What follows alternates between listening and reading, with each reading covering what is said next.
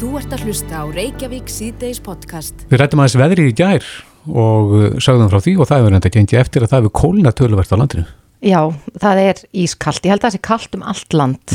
Það var, uh, allavega þegar ég settist út í bíl í morgun, þá voru mínus 8 gráður. Já, og bílinn er svolítið lengi að hitna, svona þegar það er svona kallt í veðri. Dætur mínar spurði með því í morgun þegar við settist út í bíl hvort ég væri að setja kuldan á vegna þess að þegar ég reynda að setja miðstöðin í gang þá náttúrulega bara blés kvöldur svona til þess að byrja með og ég reynda að útskýra fyrir þeim að það tekur bílinn smá tíma að hitna. En það er nú reynda komið í svona marga þessum nýju bílum, sérstaklega rafbílum. að Þá er hægt að hitta bílinn svona úr fjarlægð. En e, það er líka hægt með þessar bíla sem er ekki með þessari tækni í. E, þeir eru hérna, það er að setja eftir á hittara í þessa bíla og á línunni er einn sem að gerir slíkt, Páll Þór Lifsson hjá bílasmiðnum, kom til sæl. Já, gott sæl. Þið eru með þessa Webasto bílahittara, hvernig, hvernig virka þessi tækni? Ég veit að það er ma- margir sem er að velta þessu fyrir sér í dag. Já, svona í stuttumáli þá hitar tækið upp kælivatnið af bílum Já, því heiti gegnum miðstöður elementu hans og kveikir svo miðstöður blásturinn þegar, vatnið hitnar og hitar þannig bílina og bílina. er, er þetta því að nú hefum við stundum hér talað um svona fjarstartara? Þetta er ekki slíkt. Nei, eh, mótorinn er ekki í gang. Við erum að hita bílinn og mótorinn áður en við setjum bílinn í gang. Já, já. Þannig að bílinn er þá bara býður heitur og góður þegar að fólk kemur séðan út. Já, það þarf, já. Hitunartímin er að tekur svona 20 til 40 mínútur, þetta styr gerð Já, og til þess getur notað fjárstýringu, tímastilli mm eða, eða snellimann. eða snjallíman. Já, Já, já. og þá eftir bara app sem við hliðum niður inn í bílunum er sett upp uh, móttakari sem er með innbyggðu korti og hann er nettingdur Mm og í gegnum appi getur þess að kveikt og slögt stilt fyrir alla vikuna hýtast í inn í bílnum batteristöðuna og staðsninguna af því að hann er með innbyggðu GPS-i Já, já. Þannig að það er að staðsetja bílinn líka. Já. En uh, tekur þetta mi- mikla orku af bílnum? uh, hýtarinn er að taka meðaltal 45 watt og fyrir þá sem er inn í því það er svona kringum 2,2 ampere uh, með við 12 volt. Mm -hmm. miðstöflarsin í bílunum getur verið að taka álíka mikið eða ég vil meira þannig að það má reikna með að meðaltals notkun séfstara kringum 69 ampere. Mm -hmm. um, venjulegu bíl er með rafluðu sem er kannski 65 til 95 ampere. Og hitunatíminn svona í kringum 30 mínútur þá sjáum við það að það er alveg nú rama Já. Er þetta setið því alla bíla? næstu því Hvaða bíl er ekki að það setið því? Eh, Það sem að um, það er ákveðni bíla sem að ekki eru skrifaði leifinninga fyrir og það lítur af tvennu annars er vegna þess að það er ykkur ómöguleiki eða þá að markashlutildin er og lítil það er ekki gerða leifinninga fyrir á. Já, já. Ertu með dæmi um slíka bíla? Hvað tegundir? Já, já. Sem þú vilt deila með okkur? Ég get bara, það er tekur að það er látt, látt mála. Það koma 159 tegundir af bílum á markaðinu hverja ári og það er alveg finnst að- Og það er kannski verið að telja það upp hér en, en, en það, við erum með gagnagrunn sem að framlegandi gefur upp sem er Webasto í Tískalandi Mm og vinnum eftir honum. Þannig að við höfum ekki leifinningar þá uh, yfirleitt tökum við ekki að okkur ísetninguna við að setja tækinni. Nei. En er þetta vinsalt hjá okkur, þessi, þessi búnaður? Já, við erum búin að vera í þessu náttúrulega í áraræðir og eh, erum að setja það svona meðaltali í svona ég er rétt kringu 300 bíla á ári á okkar vestæði. Uh, það er núna til dæmis er fullt af vestæðin hjá okkur fram í fyrstu annari viku í desember eins og er. Mm Þannig að jú, þetta er eins og En er þetta eins og með dekkaskiptina að fólk fer ekki og, og græjar þessi mál fyrir en það kólnar? það er nú svolítið íslendingur innan. Já. Býða Býða, fram á síðustu stundu. Ég, ég har að síðan stund. En skiptir máli- Ekki, ekki. Já, en Pál stifti máli hvort að þetta er uh, hvort að aukotækin séu hérna dísel eða bensín Já og nei. Um, tækin eru til bæði fyrir bensin og dísibíla. Uh, en eins og sagði á þann að það er ákveðna tegundir það sem ekki eru skrifað leifinninga fyrir. Já Þannig að það er hægt að setja þetta bæði í, í bensín og, og dísel Það er En- þessi, og líka hýbrit. En eru menn að, að setja þetta í, í drusluna líka? Í, já, já, já. Þetta snýst náttúrulega fyrst og fremst á raun þægindi. Þetta snýst ekki um hversu mikið bílinn er eða, eða, eða það, þetta er fyrst og fremst, er þetta þægindi, þú ert að kaupa þér þægindi, það sem kemur út í heita bílinn. Það er aðalatrið, hitt nummer tvö er uh, kannski á umhverjum svona málum að bílinn menga minna. Mm En er fólk að taka þetta úr ef, ef það selur bílinn, er það að taka þetta með sér? Já, já, Já. það er alveg... Þannig að það er ekkert mál að taka þetta úr bílnum. Nei, það er náttúrulega minna mál en að setja í en svo er náttúrulega, þetta er alltaf huglegt, þetta er svolítið massatri hvað tækið er gamalt hvort það borgir sig eða bara kaupa nýtt. En eh, se- segðu mér, hvað kostar að setja svona búnað í bílinn? Ég er mjög áhugasum eftir mjög kaldan morgun. Já, kallt í morgun uh, sjá, það er uh, vinnuþátturinn er að lámarki 90.000 það er bara að vinna kannski upp í það er dagsverk sem upp í kannski tvo daga eftir hvað bílarnir og kloknir Mm uh, hlutinir fara eftir því í hvernig bíltækin er þar og það er mjög mismunandi kostnæðurinn við íhlutina en að meðaltæli til að gefa ykkur einhverja hugmynd um hvað kostnæðurinn er segjum kannski sérst með langursér sem er alltaf mjög algengu bíl hjá okkur -hmm. og þú kaupir svona GSM Thermocall eh, eða Connect sem er internet tengt við búinæðin Mm þá er þetta 316 til 330.000 með ísendingu. Já, En á Íslandi þar sem er mjög kalt, þá er þetta eflaust eh, bara mjög góður dill fyrir suma. ef þú deilir þessu niður á kalda mótna, já, akkurat. Já, við þurfum átt okkur á, á því að við erum með yfir 200 daga ársins þar sem að eru undir 5 gráðum á mótana Mm og kallstart mótors miðast við um þetta er 5 gráður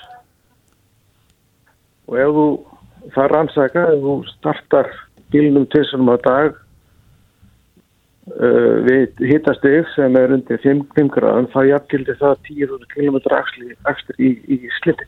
Já, takk fyrir það. Þetta er áhugavert, eh, Páll Þórleifsson hjá Bílasmiðnum. Kæra þakki fyrir þetta. Takk svo með þessu. Bless, bless. Takk.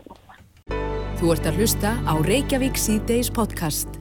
Jæja, Reykjavík síðdegis heldur áfram. Í morgun uh, var umræða í þættinum hjá Harmageddon félagunum viðtal við konu sem að sagði svona reynslu sögða því að hún var semst, stöðveð af lögreglu og um, eitthvað þótti hún undarlegi í háttum að mati lögreglumanna svona með það sem kom fram í þessu viðtali þannig að hún var tekin í lífjapröfu og það mældist amfetamin í þvægi. Og hún hjælti fram að þetta væri vegna ADHD-livja sem hún er, er á. En þetta svona leiðir hugan að þessum stóra hópi sem að fer að því er okkur stílst stækkandi, það er að segja fólk með ADHD sem að tekur lifið því og er í umferðinni á línunni er uh, Vilhelmur Hjalmarsson var að forma ADHD samtakana, kom til sæl Kom svo ekki. Já, þessi umræð er svolítið kvik núna eftir að, að það skapaðist umræðan þetta inn á fjersbókasíðunni, fullorðni með ADHD. Já, þessi umræða kemur alltaf reglulega. En- En... Oft, oft er hún byggð á vískilningi að það kemur eitthvað annað til. Mm -hmm. Ég alltaf þekki ekki nokkur þetta dæmi, Nei, en ég veit um hvað máli snýst. Því miður. en, en þessi, þessi efni sem að eða lif sem er verið að nota við ADHD, Þau framkallaði það ekki þessa niðurstöður í þessum, þessum prófunum hjá lauruglu? Sko langt flest aðtíðháttilíf byggja á örfandi efni hann okkur með til fennitat eða amfetamin afleiðum eða afleiðum afleiðum Mm -hmm. og í góðu þá, þá er þá er sérst munið á milli skýrst sem einhver hóli hvort það er þess að tilfelli gerir áfæð þessi manneski að sé að taka líf sem heitir elvans eða, eða tendin sem byggja á afleiðum á Já. En, en er þetta eitthvað óstýrt? Má ekki aka uh, bifröðum eftir að hafa tekið þessi lif inn?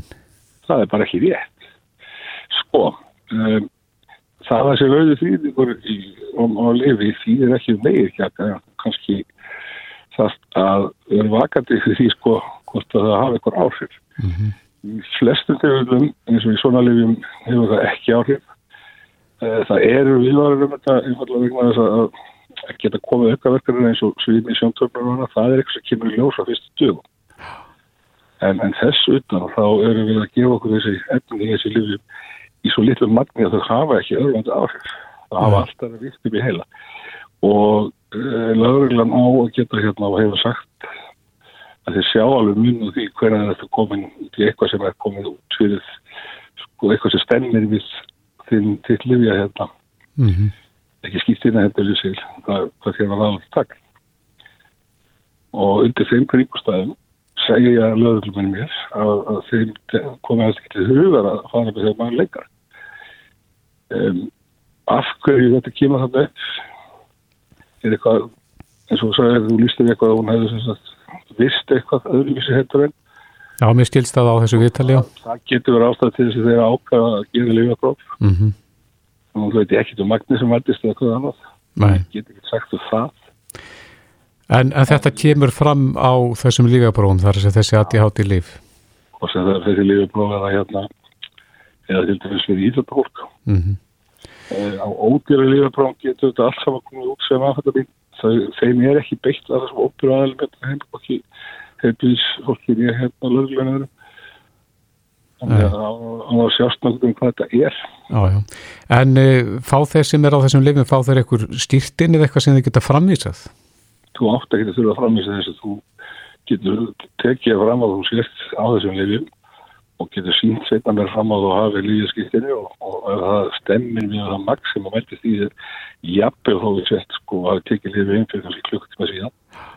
Eða þegar virkninga hæðist þá sjá mér alveg hvað er sko þessi innan við eitthvað eðlilega mark. Þess að þegar fíkitinn er misnótað og þá er hann að taka miklu meira. Og jú, ef langt um liður það kannski væri lítið en ef, ef að viðkomti hefur enga löglega ástæði til þess að taka þessi lið en, að- en að þurfa að sína fram á það sko það sem stendur hjá löglemanni stótt í bæ í bíleginum það er ekki í lagi það er ekki hægt að gera gröfum þá ekki það er ekki, það er ekki gott að gera gröfum þá að þú lappir með sko lifjaskýttin í það það verður týnt í einhver annar fyrir það og þá fannum upplýsingum kennetölu, magn, etc. Mhm. Það getur það í apotekur eitthvað svíkjætt já. Ég heyrði í, í gærlækni hérna því ég var að uh, undirbúa þetta viðtal og, og spurðan út í þetta en, en hann sagði að, að uh, fólk með ADHD verður uh, betri ökumenn á þessum lifjum Heldur betur. og tekur Ég- undir það. Við, já, já, við fengum ekki hérna heim breskan sérfræðing sem áður var vörglumar og hafði sér vunni með ákveðinu hérna bæjarfélagi þar í svona allir hattum málum og eins og öðru og ég sækja hann á flugvöld þetta í undamánu í oktober hér að heim í rigningu klukka nýja kvöldi. Og segja hann að ég takki mitt konserta og hann spurði þóstaði morgun, já sagði ég.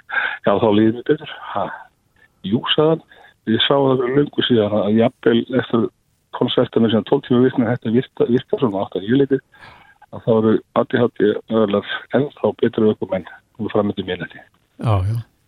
Það var kannski ekki ofnir rannsókn en hérna, þetta var mjög skýrt það. Já, þeir sem er ekki á þessum lifjum með ADHD og er ekki að taka lif, hvernig breytist dagsturinn? Í sko, ADHD náttúrulega er margvist að þú vissend hvernig það hefur að tala um líf. Það er ekkit allir sem þurfa að taka þessi líf stafstælega. En hérna, ef að, ef að þú ert með ógreint og meðhandla eða hunsa þitt ADHD og ert ekki út að haka, þá ertu náttúrulega bara að taka áhættu, kvartís, gleymir, keirir ykkur að vitleyslu og alltaf þeirra snúa við. Mm og hérna þegar við tökum þessi í þessu litla magni þá eru heilastöðar framfélag sem eru vanvirkar að þeir nýtum ekki ákveðin efni. Og eins og við tökum þessi lif að þá verða þess að funkar þessi heilastöðar eðlilega. Og meðan þetta er ekki að funkar þá er einmitt hlutir eins og hérna kvartvísinn, taka kvartvísur ákvarðanir. Mm -hmm. og hreinlega bara aðtilsbestunir sem að spýstum meina það að sko að hugsa ekki óþráðleitið heldur taka allt inn sem að daga bara er allt í klessu húsum aðeins það er aðra daga mm -hmm. skýta þengum voli en þetta er alveg mjög sem þetta er stengið Já, en Viljarmur hefur verið mikil umræða meðal ykkar eftir að, að þessi umræða spratt upp hann á Facebook? Uh, þetta kemur alltaf upp reglulega og síðast þessu nú í hérna í ágúst 30 þegar hérna umfærastofa fór að ganga með, með einhverja herrferð þar sem það setja skuttsökum líf og umferð og svo breyttu í tökum fíknir eða tökum fíknir með því að koma þessi skilabóð sem eru raung að þá bara verði ítundur hann að miskilíka að sko mann megi ekki keira á, á þessum lífum til dæmis Nei. En þarf að stýra eitthvað? Já, ég veit ekki svo alveg hvað það er hægt að gera og fullið það til aðskilja þetta. Er náttúrulega snýst ofta um hérna skynnsinni. Herrferð hérna öðvunstofu er ekki bara gegn aðti hátíðið. Það er þessi líf sem fólk tekur svona, það fyrir að eldast og annað. Það fyrir að tekið þau lífið langa tíma, það getur komið að því að þú ert ekkit til að haka. Mm -hmm og svo er tilaköðinlega sem hann gera það og hann og náttúrulega hefur þetta misnóta svona efni að þá náttúrulega eftir ekki tæfull að þetta upptæki og gera einn stafan Já, akkurat. En, en það er ekki einhver regla að setja rauða því það eru lift til dæmi sem eru pakkað í svíðfjöld Við vinnum átt með rauðu þjóðun þannig að það er svenski pakning með íslensku og þá er ekki endilega rauður þrýtningu þar. Mm -hmm. En er, er rauðu þrýtningur á flestum þessum ADHD lífjum? Nei, það bara fyrir eftir hvaða pakningi kemur í dag. Ah, Þetta er, þetta er ekkit algilt eða rauðu þrýtningu það megið að alls ekki aðga það snýst mjög meina á það hvort þú sést hægur hlagstups og, og ef að lauruglan er að vinna sem heimur rétt eins og lauruglan hafa 23 ár sagt mjög skýst ef þau sjá ekkit að annað sem er bætið til og þá er það ekki að skoða þetta frekar. Og ef við gera það og kemur í, í lífið bara út magnið sem er ekki óeðlegt þá vil ég þeir ekki fara með það lengra. Eins og það hef ég heilt núna á allavega segjumur þetta þriðja dæmið á undarhóttnum svona sex vikum það sem þetta virðist hvað við ganga aftur sjálfur ég veit ekki hvort það sé bara í einu lörglundami eða hvort þetta sé eitthvað aðkynnt mm -hmm. það kemur á óvart ef það væri Já Þetta er frólægt, Vilhelmur Hjalmarsson var að formaður HT samtakana. Kæra þakki fyrir þetta. Mínur ánæg. Hlustaðu hvena sem er á Reykjavík C-Days podcast. Reykjavík C-Days eh, þjóðum var hansi slegin eftir að Arnarholtmáli svo kallað að koma upp og sagt var frá því máli. En um, svo sem ekki fyrsta sinn sem að sem að slík svart mál koma upp sem að tengjast einsum eh, stopnunum ríkisins í gegnum tíðina. En eh, hefur líst því yfir og það ég held að sé bara samt og málit nefndamanna þar að, að þar vil fólk láta rannsaka þessi mál reyna að fá þetta allt saman upp á borðið. Helga Vala Helgadóttir, formaða nefndarinnar er á línunni, kom til sæl. Sæl Já, þetta reyðir við fólki þegar það heyrir af yllri meðferð á þeim sem að minna mega sín á þessum stofnunum ríkisins, en, en hvað viljið þið gera? Já, við fengum uh, í rauninni ákall frá annars að geðhjálp og hins vegar þróskahjálp um að uh, velferðar nefnd, alþingis, myndi beita sér fyrir því að settir var lakirna rannsóknar nefnd á vegum þingsins til að skoða ekki bara Arnarholt heldur uh, í rauninni um mönnun og aðbúnað bæði uh, þeirra sem að glýma við uh, geðrænveikindi og, og, og þróskaskerðingu mm -hmm. í gegnum tíðina, tíðina og þá eru að tala um fullorna einstaklinga því að vist heimila nefnd, svokvölduð, hún fór svolítið yfir þetta er varðaði börn sem að voru vistuð utan heimilis á hennum einsustofnunum og vegum hins ofenbæra og eitthvað en þessi beðni og þessi umræða inn í nefndinni varðar þá fullorna einstaklinga sem að hafa verið vistaðir. Þannig að vist heimila nefndir, hún var bara með þá börnin og, og svona í fórgrunni.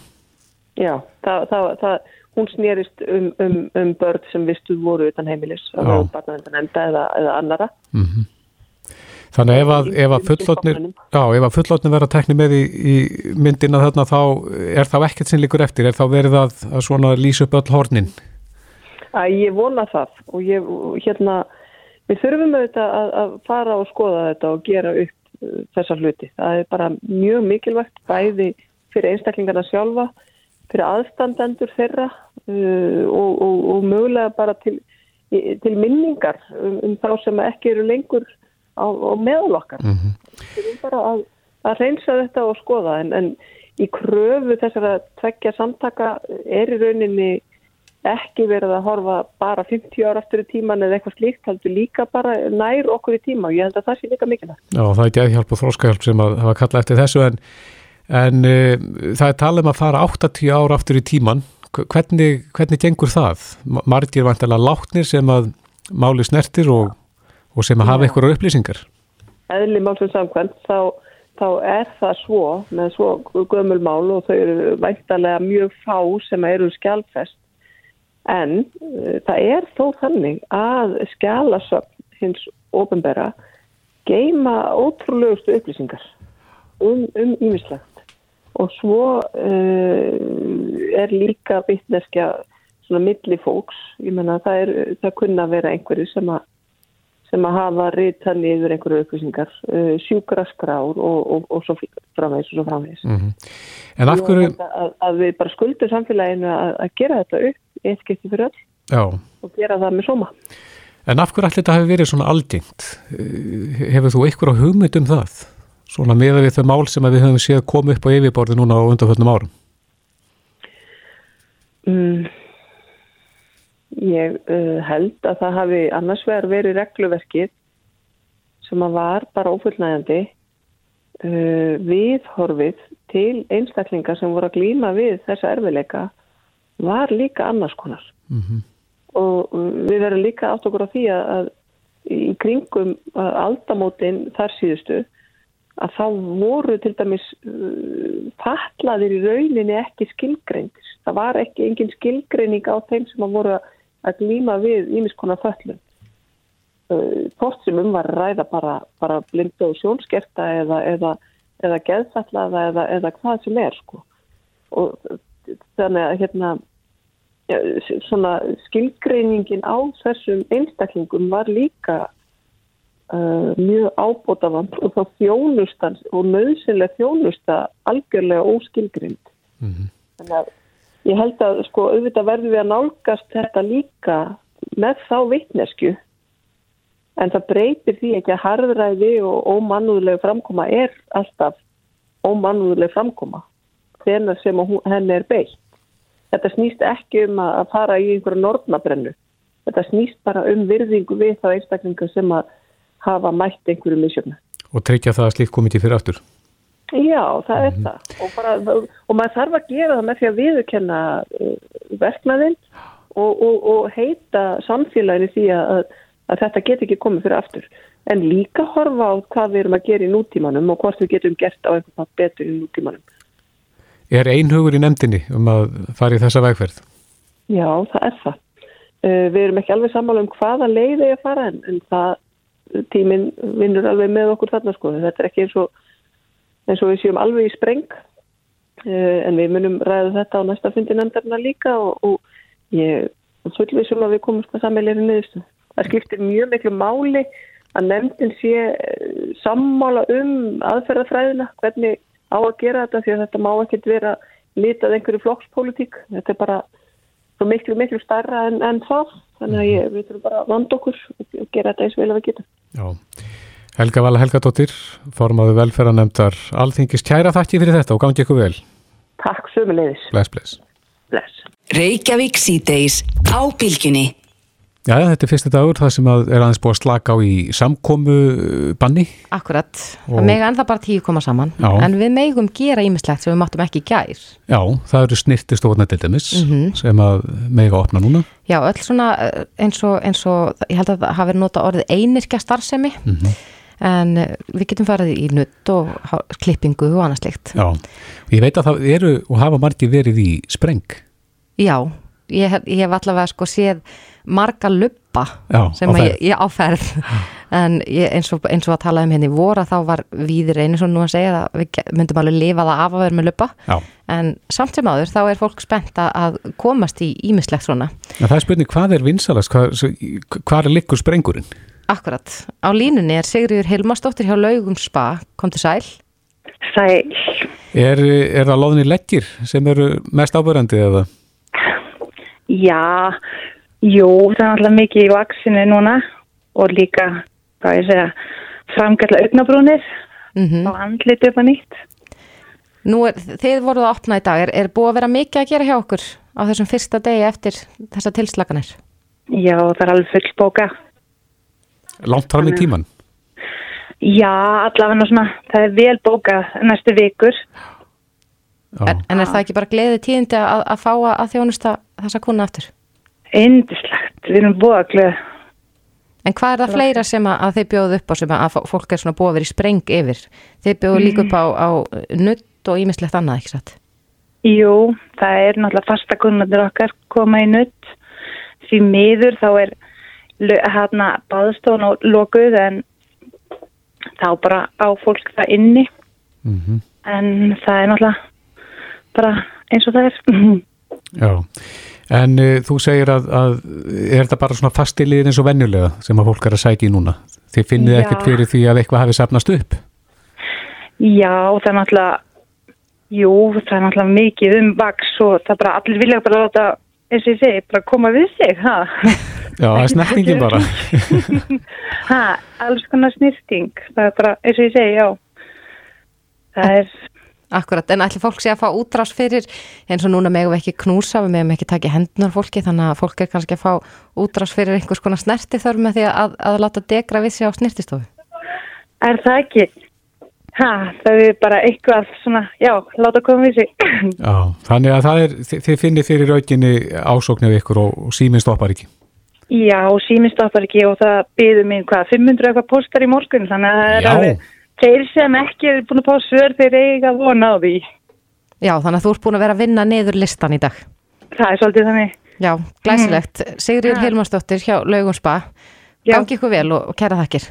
Herri, takk, takk, bless, bless. Þetta er Reykjavík C-Days podcast. Já, um Reykjavík síðdeis, það er alltaf tíðindi þegar að eh, hérna, stýrivaksta lækkun eða hækkun er tilkynnt og það var einmitt gert í morgun. Já, Sælabanki eða peningastefnum nefnd Sælabankans ákvað óvænta að lækka vexti niður í 0,75% eða sérst um 0,25%. Já, sem að þið, og þetta eru lægstu vextir, bara held ég að hafi fyllt með fréttunum á lífveldistímanum. Mm En uh, Ástír Jónsson, Sælabankastjóri er á línunni, kom til sæl. Sálega blessaður. Já, uh, það er nú búið að fara reyndar yfir ástæðu þess, hvers vegna þið ákveðið að fara með uh, vextina svona langt niður. Þessi viðspyrna, hún tókst ekki. Já, jú, það er að segja, ég held að við við lekkum vexti mjög mikið í vor -hmm. og tókum niður 1% og, og við höfum séð mikil áhrif á þessum vastuleikun og eins og bara á þarna fastnamarkaði. En um, svo kom bakslag, farsóttin tók sig upp aftur og það komu nýja lokanir og, og þetta er að tegja sig yfir á næsta ár og við erum kannski núna ekki gera ráð fyrir því að ferða þjónasta munni uh, ná sér stryk á fyrirluta ársins og það geti það litið því að sömurinn geti tapast að einhvern leiti. Þannig- Þannig við teljum þá bara þörf til þess að, að stíga fleiri skref til þess að, runni, að reyna að örfa hagkerfið. Já, verður þá, já nú vitum við öll að það hefur verið talað um COVID-kreppu og koronukreppu og annað slíkt. Verður þessi kreppa eh, dýpri en við kannski heldum? Já, hún verður það, eitthvað liti. Um, það mun síðan taka eitthvað tíma að vinda ofan að þessu. Mhm. Uh, og jafnvel, uh, og ég heldur þurfum átt okkur því jafnvel þó að bólöfni komi og, og lífið fari eftir að eðla skorðu þá tekur tíma að vinna upp þetta heila ár sem við töpum. Og um, það er, við erum að gera ekki ráð fyrir því að það verður ekki fyrir 2022 sem að, sem að um, efnæðslífið hefur raunin náða að, hérna rétta við. Og Þannig við teljum það bara mjög mikilvægt. Það sem við, það sem við viljum sjá núna er í rauninni að um, fjárvæktingu og lági vesti núna í, fyrir kannski ekki að hafa svakal mikil áhrif næstum mánuðum en, en vonandi eru þau lautu þess að, að fjárhasting fyrir stað á næsta ári og við erum að sjá nýverkefni, ný fyrirtæki og ný störf. Og, og það eru auðvitað mjög gott sko að, að núna hefur verið hálfgeð varnabaróta mm -hmm. og Sælabankin hefur tekið þátt í tí að, að reyna að stiðja við fyrirtæki sem voruð fyrir mjög skafa eins og stuð með við hefum tekið þátt í, í hérna, stuðnistánum og brúalánum og svo frammeðis en, en, en við þurfum líka fara að huga nýri, að, að nýri sókn sko Já, en uh, Ástír, við heyrum líka í innflytjandum á vörum sem að telja að, að Sælabankin hafi ekki gert nótilis að reyna að, að styrkja gengi krónunar. Já, að almenningur er að borga meira fyrir innflyttar vöru núna heldur en áður. Þú getur sagt þessum innflytjandum að, að sko, hugsa aðeins aðeins í gang. Sko. Að til þess að flytjum vörur þá þarf það að flytja út. Og það, við, við verðum að afla gældiris og auðvitað fyrir gríðilega miklu áfalli þegar ferðanstan hvarf. Þetta var að reysa langstæsti útsynsatnum á þjóðarinnar um, og um, þannig að hún gengir hlaut að falla. Það hefur fallið um eitthvað svona cirka 12-13% síðust 12 mánum, mm -hmm. 15% við euru, 9% við dólar. En við höfum verið eh, veitt mjög öflutið inn á núna í haust. Sælabankir múið selja 100 miljardar í gældir á þessu ári, það er af 80 miljardar í haust til, til þess að styrkja þess að styrkja gengi krónur og, og við höfum alveg nátt þeim árangri að það, við erum komin í það vest og, og krónan er að snúa við. Sko, gengi krónar er á sama stað núna eins og það var í mæ og það búið að vera stöðut núna í tvo mánu allavega. Mm -hmm.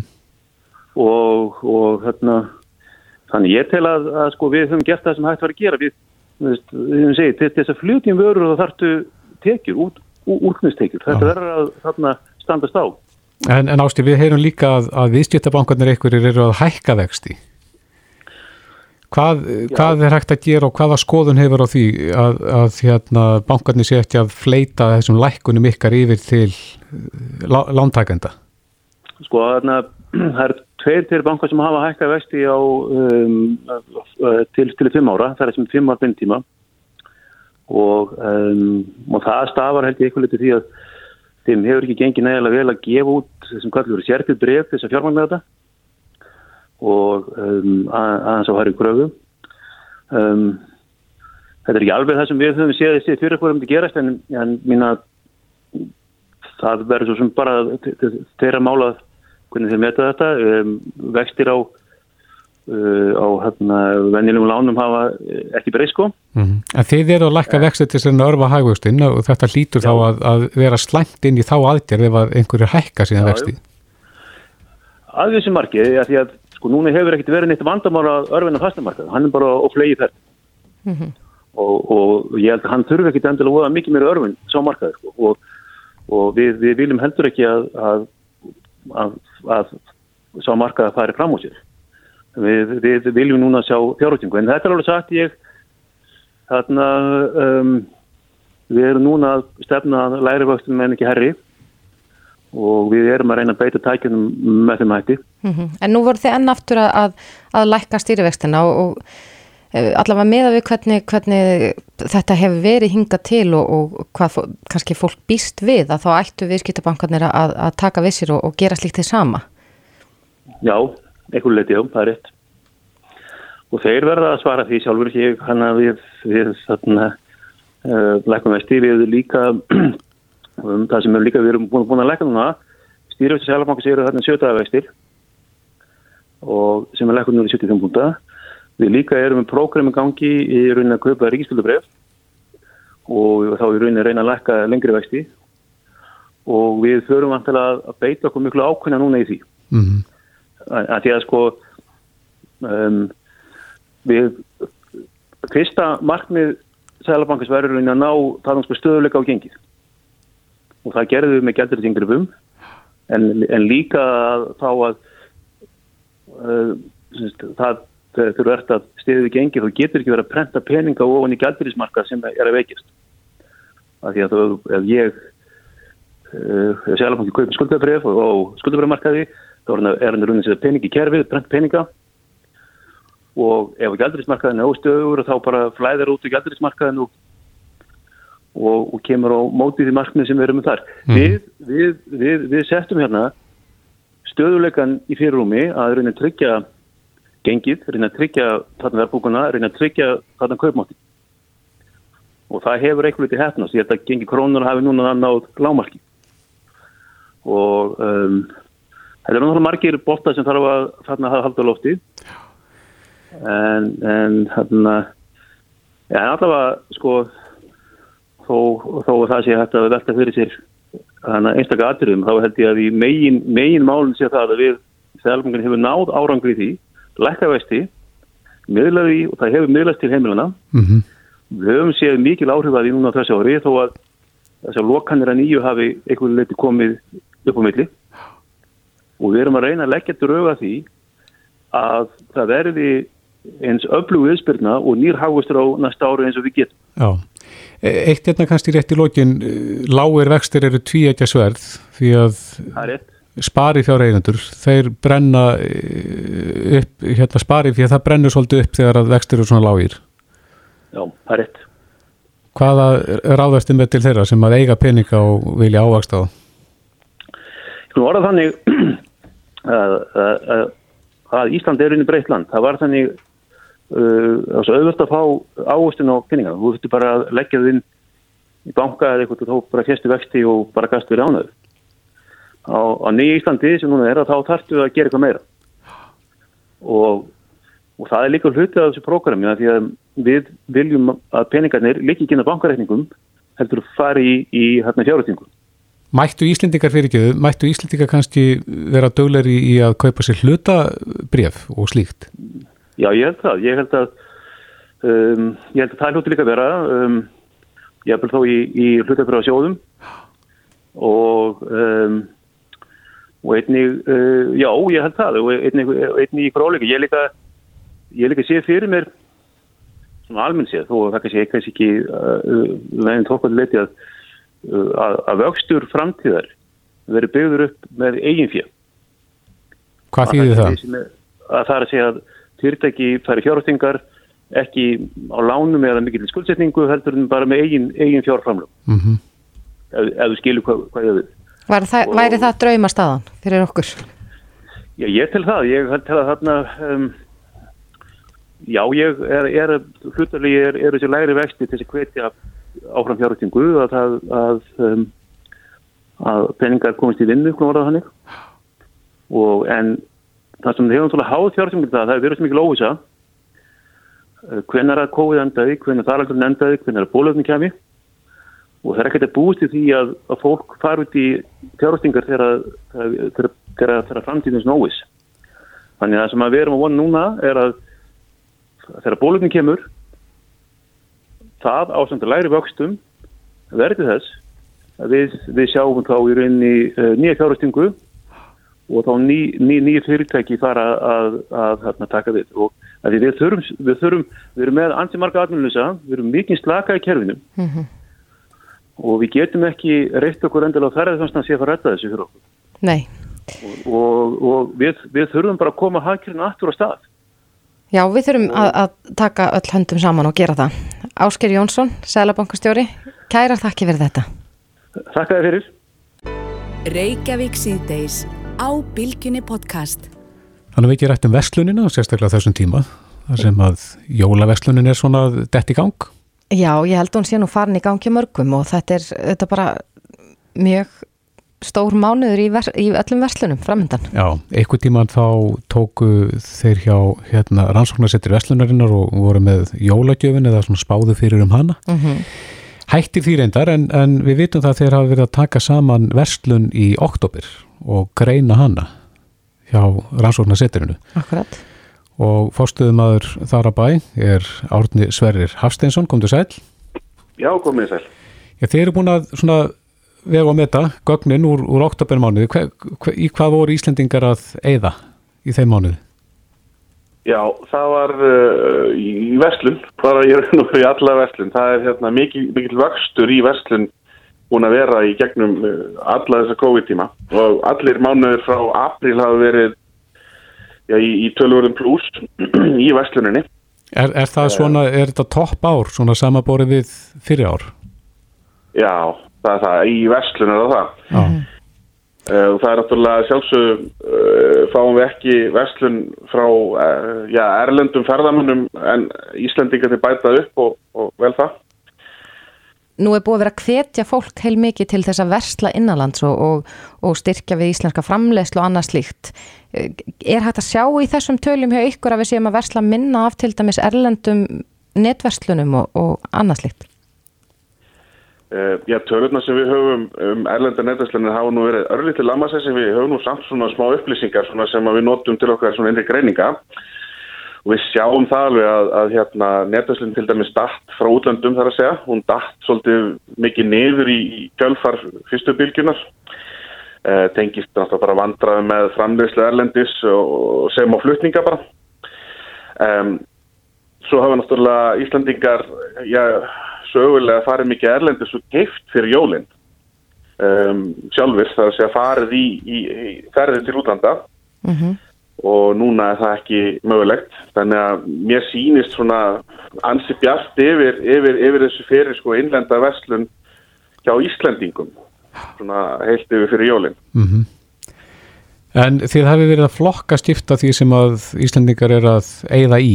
Hva, hvar, hvernig lítur topplistin út? Já, þetta er hérna það eru nú bara margi, margi flokkar sem eru mikið upp á við. Það eru þessi sérvöruflokkar eins og byggingavöru veslanir, raf- og heimilistækja veslanir, þetta er kannski svona 44% eitthvað svo leis, þessi tegir flokkar. Að heildar veltunni. Já, upp á við sko. Já, upp á við, já. Inn, inn, inn, innlendu hérna greiðslukortin sem við erum að taka saman. Mm Uh, og svo líka bara sko eitthvað eins og dagvaran sem að venjulega nú frekar stöður flokkur uh, hækkaði um uh, 30% í hérna oktober og tengist á náttúrulega eitthvað já, mötuneyti eru til að mynda ekki starfandi meðlum hætti fólk er að kaupa í matinn til þess að borða heima um, veitingastæðir náttúrulega eru uh, ekki vestlunum þjónustustar sem er það fór kortavöldað niður á móti Mm Þannig að fólk er að eyða meir og, og, og þá borða heima hjá sér í staðin fyrir að borða á veitingastöðum. Já, og sko kortaveltan í heilsinni, hún er almennt séð uh, ekkit að fara mikið upp. Uh, við verðum, við eigðum mjög miklu í þjónustu og uh, svo líka þá hluti sem að kannski kortaveltan fangar ekki, stærri kaup eins og bifræðar og fleira. -hmm. Um, verslunin er um, augljóslega það sem er, er að fara mest upp. Þjónustan stóð svona nokkur en í stað lækkaði jafnvel aðeins eða öllöldur eða þjónustan fór mikið niður en, en svona heilda kortavölda mánadarins hún svona kannski lækkaði örlítið á raunvirði. Hvað flokkar undir þjónustu? Ég er nú allt sem er ekki verslun sem að við greiðum með, greiðslukortum. Það getur verið gisti þjónusta, veitingar bílalegur, alls konar menning, bíóhús og list, listviðbörðir, uh, byggingaþjónusta, tölvuþjónusta, all, alls konar tannlæknaþjónusta, uh, snirtistofur, hafgjörslustofur. Er ekki að sjá á þessum tölum hvaða áhrif já, þessar takmarkanir sem hafa gilt hér innanlands hafa á til dæmis þannan þjónustulið? Jú, við sjáum það. Ég meina, ef við tökum til að mynda svona þjónustuflokki eins og kvikmyndahús og tónleika og leikhús, þar eru við með meira en 90% átt. Uh, allir svona staðir það er hérna það sem fólk þarf að, að, að svona já, koma sam eða koma í návi við hvort annað og hefur náttúrulega bara verið loka mikið til í þriðubilginni Mm Já, þetta er aðdeglisvert og svo gerir þið vantalega upp þá jólaverslunina svona þegar að er komið eitthvað inn á nýtt ár Jú, jú, við gerum það. Um, það verður gaman að fylgjast með, sérstaklega netvöslun í, eins og í þessu mánuði, november, þar sem að stórir verslunadagar fara fram og, og hérna það eru ennþá tíu manna samkomu takmarkarnir í verslani, sérveru verslani, þannig að það er spurning hvernig uh, netvöslunum verður. Hún hefur náttúrulega vaksið mikið líka, gríðarlega. mikið. Akkurat. En ég nefndi hérna á hann að þið voru nú í því að, að uh, reyna að finna út hver jólagjöf ársins væri í, í hérna hver skipti. Þið eru alveg hættir því, er, er þið ekkert að velta því fyrir ykkur núna? Já, við erum allavega hættið í byli. Það var, uh, já, við erum allavega hættið í byli. En, en voru þið sannspá? Ég heyri það svo sem á, á ykkur og, og sumum fleiri að það er, það er áhuga á þessu en ég sjáum hvað setur það verður allavega ekki, ekki hérna í ár. Nei, akkurat. En eins og Þórti spurði, voru þið sannspá í þessum spám ykkar?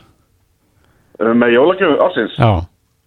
Já, ég held það nú. Það var svona oft hérna oft svona láðaði loftinu.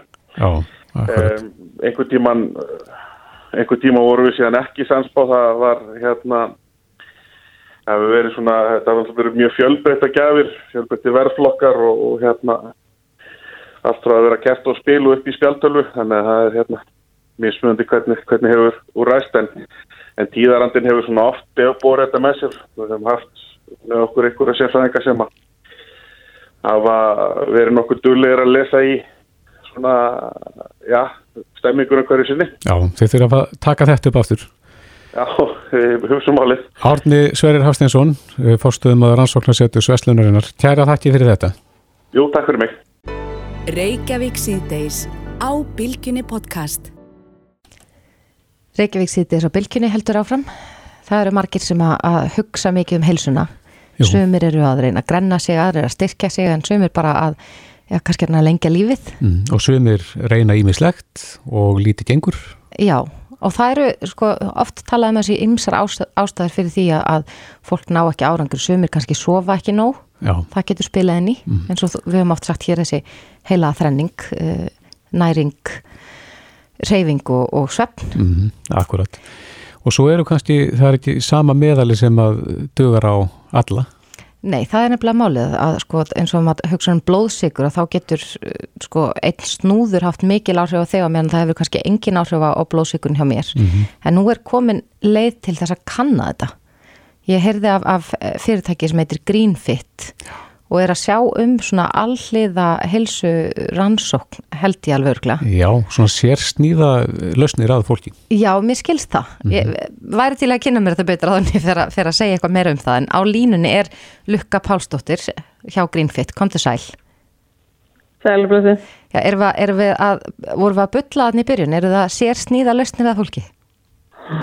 Nei, það voru ekki bylla í byrjun. Það fóru eins að bylla, það voru að tala um að vera um að gera rannsókn Já, en, en þetta eru samt þegar að gera uh, blóðpröfur og Já, annað við erum slikt. Að gera í rauninni, við erum að gera kannski persónlega rannsókn fyrir hvern og einn. Mm -hmm. Það er kannski rétt og, og það eru þetta eitthvað sem ættum bara öll að gera. Því að, að það er ákveðin svona trend, þú veist, það eru vegum auðvitað öll að drá síkunislu og, og það er svona hefur augljósa. En, en svo erum við sum ekki ná árangri af því að við vitum kannski ekki hvað það er sem okkur vantar. Nei. En uh, Lukka, farðaðis yfir svona ferlið, Hva, hvað gerist þegar að fólk leitar til ykkar? Hva, hvaða ferli fyrir gang? Sko það sem við gerum fyrir lang flesta af okkar viðskiptvinnum er svo kvöldlega ástandsskoðun og, við myndum gætna vilja bara það að vera skilda fyrir ástandsskoðun með okkur sjálf eins og bílinn okkar. Mm -hmm. Við fáum bara svo gríðarlega miklar upplýsingar úr því að, að við getum stór bætt heils okkar og, og líðan og, og sparað í kerfinu og fyrir okkur sjálf. Hvað er skoðað í ástandsskoðun? Það eru þrýr þættir sem við skoðum. Það er annars vegar sko grunnefnaskipti og síðan álagspróf Mm -hmm. og þriðja er þá blóðmæling. Akkurat. Og svo hústlum við þessu saman til að sjá svona heildarmynd af, af heilsu og efnaskiptum viðkomandi. Og þá erum við að skoða hjarslátt og öndunatíðni og öndunadýft og hlutföll súrefnis og, og hérna eða sérstu hversu mikið súrefningu nýtir, hversu mikið koltvísningu gefur frá þér og reiknut hlutföll kolvetna á fytu í grunn efnaskiptum og, og efnaskiptum undir álægi. Mm -hmm. Og sjá hvernig þetta harmonarar við blóðsigurgildi og insulín og blóðfittur og vítamin og annað slíkt. Myndur þú segja að þetta væri fyrir hvert sem er þetta, þetta hljómar svo litið flókið svona eins og maður þurfi að hafa mikla þekkingu á já, líkam starfseminni og, og akkurat eins og talar um, um sko, efnaskiptun og annað slíkt mynda gagnast hverjum sem er. þeir sem er að, Já, þeir sem er að mæla þurfu að hafa þekkinguna en svo er það okkar að koma henni á mannamál og til skila til ykkar. Og þetta er alveg fyrir hvert sem er, já, absolutt þetta allir að skella sér í ástandskoðan Hafið þið verið, er þið með einhverja svona sögur af fólki sem hefur komið til ykkur og, og já, farið í ástandsskoðun og kynst þá sjálfur sér betur og náð árangur eftir það? Já, það er auðvitað það sem gefur okkur, eh, hérna, okkar starf sem er gildi og, og lætur okkur mæta glöð og kátt í vinnuna á hverju meinastu degi því að árangusögurnar eru margar og þetta er ótrúlega fljótt að gerast. Ef þú veist hvað er að og, og einsettu verið að laga það, að þá svara líka minn mjög fljótt Þannig að við erum að sjá hérna fólk snúa við eh, forsti, síkusíki og byrjandi fyrirleifur og, og fleiri slíku á nokkru mánuðum. Að minnstakosti hvað varðar gildin í blóðinu, þau sína allavega þann árangur. Þannig að það er mjög hvetjandi fyrir okkur að halda áfram að, að mæla og, og kenna fólki að lesa úr líka tölunum sínum og skilja hvað er að gera með helsuna. Mm -hmm eru, eh, hafa niðurstöðna komið á óvart þegar þú talar um sko eins og varandi sikursíki eh, eru, eru fleiri að, glýma við þetta kannski fórsteg af sikursíki en, en mann grunnar? Já, sko þeir koma óvart og ekki. Við vorum búin að heyra það lengi frá læknum og fleirum í samfélaginu að fórstíksíkusíki eða hárblóðsíkur, léleg blóðsíkur stjórnun, hátt insulín, efnaskipta villa og þetta að þetta væri að tröfla kannski þriðjung þjóðarinnar og uh, þannig að ég hafði heyrt það en það komi pínlítið óvart að sjá það raungerast því að við sjáum alveg þessi hlutföll hjá fólki sem leita til okkar og nótabenni það er yfirleitt sko ekki sjúklingar heldur helbriðt fólk sem er að leita til okkar uh mhm. -huh. þannig að það eru mjög margir hérna úti sem eru kannski með uh, vannstilta blóðsíkustjórnun en vita kannski hreinlega af því og skil ekki akkur þau eru oft orkulösi við daginn og og eru svona í þessum sveiplum. Já, akkurat.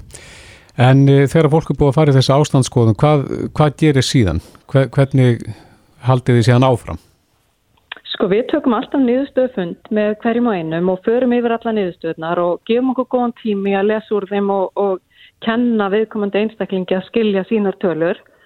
Og síðan leggjum við til þá eitthvað breytingar og auðvitað komum við ekki heim og, og hérna tróðum sjálfur í ofan í fólk heldur. Það verður hver veitna að taka síðan ábyrða sinni hilsu en, en við veitum síðan ráðgjöf og, og stuðning ef, ef óskaður eftir því. Þannig að við vinnum með fólki þá áfram að bæta og hámarka helsuna. En hvað, hvað kostar að fara í ástandsskoðun? Það, við þekkjaðum nú kannski með bílan okkar en, en hvað kostar að ástandsskoða líkamann? Já, það kostar þessar strjármælingar saman, kostar 59.900 og þar að vera stærsti kostnæðurinn er, er blóðpröfan því við erum ekki partur heilblíðskerfinu þannig við erum ekki að, að meðhandla á greina sjúkdóma heldur að reyna að koma í veg fyrir þá mm -hmm. og þannig erum við ekki sko með sjúverdringar Íslands taka ekki þátt í þessu kostnæði þannig einstaklingur ber hann sjálfur en ég alveg fullir við það að, að þetta er besta fjárfyrsting sem hver veit getur gert Já, er það kann að eh, fæðu óþól? Við erum ekki að kanna að fæðu óþól per se en það er hægt af einhverju leiti eins og glútinóþól og þess að það. Þannig að við erum með svona standardmælingu sem við notum en, en þegar fólk á okkur að sögu, ef það verður áhyggjur af einhverju sérstöku heilsufarinu sem það veit af að þá getum við bætt hann í mælingum við. Mm -hmm. Við erum í samstarfið við bæði blóðarsóknu fyrirtæki og, og fleiri og lækna og þannig getum við svona veitt meiri stuðning ef fólk veit af einhverjum kvillum sem vil fylgjast með. Akkurat, hefur fólk verið að nýta sér það hjá ykkur? Já, það gerir það, já. Það er svona meiri hlutin af fólki sem leiða til okkar er heilbrygt í grunninn en það kemur alveg fyrir að við erum eitthvað á eitthvað sem er ekki á okkar sérsviði og þá erum við með læknaði samstarfi. Akkurat. Já, þetta er áhugavert, þannig að við bara hvetjum fólk til að skella sér ástandsskoðun. Lukka Pálsdóttir í Greenfit, kæra þakki fyrir þetta. Takk sem leiðis, kælega. Þetta er Reykjavík C-Days podcast.